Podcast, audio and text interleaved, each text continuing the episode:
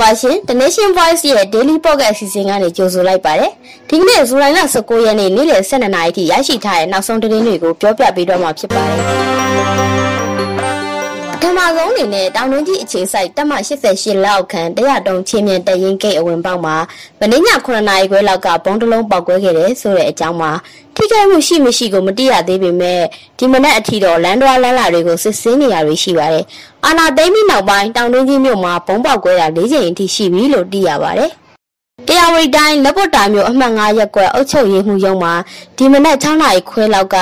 ဘုံပေါက်ကွဲခဲ့ပါတယ်။ ထိခိုက်မှုမရှိပေမဲ့အဲ့ဒီနေရာဝန်းကျင်မှာစစ်ကောင်စီအဖွဲ့ဝင်တွေရောက်လာပြီးစစ်ဆေးမှုတွေပြုလုပ်ခဲ့တယ်လို့သိရပါတယ်။ ဝါရင်အမျိုးသမီးဆိုတော့ကော်နီယာကိုဗစ်ကူးစက်ခံထားရတာနှစ်ပတ်လောက်ရှိနေပြီလို့သိရပါတယ်။ပထမလိုင်းဒုတိယလိုင်းတို့ကိုတော်တော်လာလာနဲ့ကြော်ဖြတ်နိုင်ခဲ့ပေမဲ့တကားပေါက်တောင်မရရတဲ့ကျမအိမ်မနေရင်းနဲ့ပဲတတိယလိုင်းကိုရင်ဆိုင်ကြော်ဖြတ်ခဲ့ရပါတယ်။ဒီနေ့ဆိုရင်စတုံးရက်မြောက်ခဲ့ပါပြီလို့လူမှုကွန်ရက်မှာရေးသားထားပါတယ်။အသက်56နှစ်အရွယ်ရှိနေပြီဖြစ်တဲ့တီးတန်ရှင်ကော်နီယာ1980ပြည့်လွန်နှစ်များစီကလေးကလက်ရှိအချိန်ထိတိုင်အောင်တည်တချင်းများစွာတီးဆိုအောင်မြင်နေစေဆိုတော့တရားဖြစ်ပါတယ်။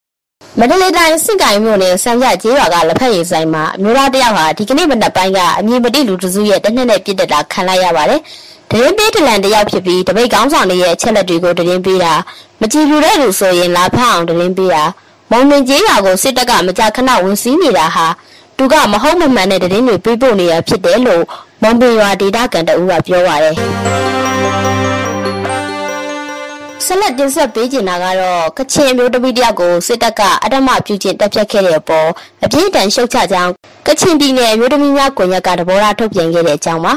မုံမောက်မြို့နယ်မှာစူလိုင်လ14ရက်နေ့ကအသက်50နှစ်အရွယ်ကချင်တိုင်းရင်းသူမျိုးတမီတအုပ်ကိုစစ်တပ်က အဓမ္မပြုကျင့်တက်ဖြတ်ခဲ့တာဖြစ်တယ်လို့ကွန်ရက်ကဆိုပါတယ်ဒီဖြစ်စဉ်နဲ့ပတ်သက်ပြီးစစ်သားတုံးဟာလေဝဲအနီးမှာအမျိုးသမီးကြီးတအုပ်နဲ့စကားများရာကဒေါ်ရလျောက်ဓာတ်နဲ့ထိုးတက်ခဲ့တာဖြစ်ကအဲ့ဒီစစ်သားတုံးကိုဖမ်းဆီးစစ်ဆေးနေကြောင်းစစ်ကောင်စီကတရင်ထုတ်ပြန်ထားပါတယ်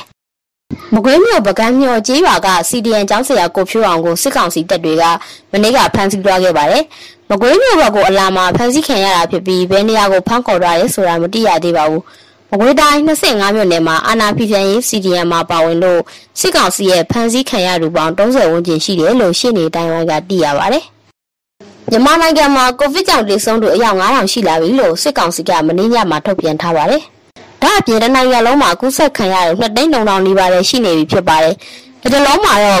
ယောဂကူးစက်မှုမြင့်တက်နေတာကြောင့် နိုင်ငံတော်ဝန်ကစာတင်ကျောင်းတွေပိတ်ထားတယ်လို့အစိုးရရုံးတွေကိုလည်းကိုရက်ဇက်တိုင်ပိတ်ထားတာပိုးတွေနှုံများရဲ့မြို့နယ်80ကျော်ကိုလည်း stay home အဖြစ်သတ်မှတ်ထားပါတယ်။မန္တလေးချမ်းမြတာစီမြို့နယ်တွေကတိုက်ခန်းတစ်ခုမှာနေတဲ့လူငယ်အချို့ကို PDF အဖွဲ့ကဆိုပြီးမနေ့နေ့လယ်ပိုင်းကစစ်ကောင်စီကပြစ်ခတ်ဖမ်းဆီးခဲ့ပါတယ်။တရားလုံးရင်းနဲ့ဝင်ရောက်ဖမ်းဆီးရဖြစ်ပြီး ဖမ်းခံရလူ6ယောက်ခန့်ရှိတယ်လို့သိရပါတယ်။လူငယ်တွေနဲ့အတူလက်နက်အချို့လည်းတင်စီသွားပြီးပြစ်ခတ်မှုတွေကြောင့်ဒဏ်ရာရသူတွေလည်းရှိတယ်လို့သိရပါတယ်။လန်ဒန်မြို့မှာကျင်းပနေတဲ့အာဇာနည်နေ့အခမ်းအနားကိုဒေါအောင်ဆန်းစုကြည်ရဲ့တားငယ်ကိုထိန်လင်းကမ်အဲရစ်တက်ရောက်ပြီးအဖို့ဖြစ်သူဗိုလ်ချုပ်အောင်ဆန်းအပါအဝင်ကြာဆုံးခဲ့တဲ့အာဇာနည်များကိုကာဝရပြုကြောင်းနဲ့မြန်မာလူထုကိုအားပေးစကားတွေပြောကြားခဲ့တယ်လို့သိရပါတယ်။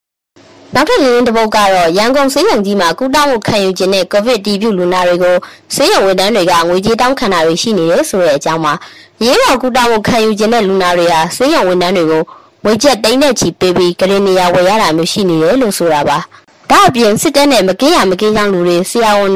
ဆေးရဝန်တန်းတွေနဲ့နှိစက်တူတွေပဲအလွယ်တကူတက်ခွင့်ရတယ်လို့ဆိုပါတယ်နောက်ဆုံးတင်ဆက်ပေးခြင်းတဲ့တင်ကတော့နိုင်ငံတော်ဝန်ကိုဗစ်ကူးစက်ခံရသူနဲ့တည်ဆုံးသူအစမတန်မြင့်တက်လာပြီးနောက် ကိုဗစ်လူနာတွေနဲ့ပြည်သူတွေကကိုခံအားကောင်းကြက်ဥဝယ်ယူစားတော့ကြရာဈေးကွက်ထဲမှာဝယ်လိုအပ်တက်လာကဈေးနှုန်းမြင့်တက်မှုနဲ့ပစ္စည်းပြက်လက်မှုတွေကြုံနေချိန်မှာကျဲဥကိစ္စဆိုရင်ရမရှိဘူးလို့အာနာဒိန်းစစ်ကောင်းဆောင်ကပြောဆိုထားတဲ့တဲ့မှာဦးစားကျက်မွေးမြူရေးကိုလွန်ခဲ့တဲ့6နှစ်9နှစ်ကတည်းကအာတုံခုံဆိုင်လှုပ်ဆောင်ခဲ့တဲ့အတွက် စိုးရင်စရာမရှိဘူးလို့သူကပြောဆိုလိုက်တာပါရန်ကုန်မြို့မှာကျဲဥတလုံးတရားဝန်းကျင်ကနေကျက်300အထိပြေးဝယ်နေရပြီးတန်းစီဆောင်ဆိုင်ဝယ်ယူနေရတာမျိုးတွေဖြစ်ခဲ့ပါတယ်ရှင်အခုတင်ဆက်ပေးခဲ့တဲ့သတင်းတွေကို The Nation Voice သတင်းဌာနရဲ့ Facebook, YouTube နဲ့ Telegram တွေကနေတဆင့်နားဆင်နိုင်ကြတာမို့ like and subscribe လုပ်ထားကြဖို့လည်းပြောချင်ပါတယ်။နားဆင်ပေးကြတဲ့အတွက်ကျေးဇူးတင်ပါတယ်ရှင်။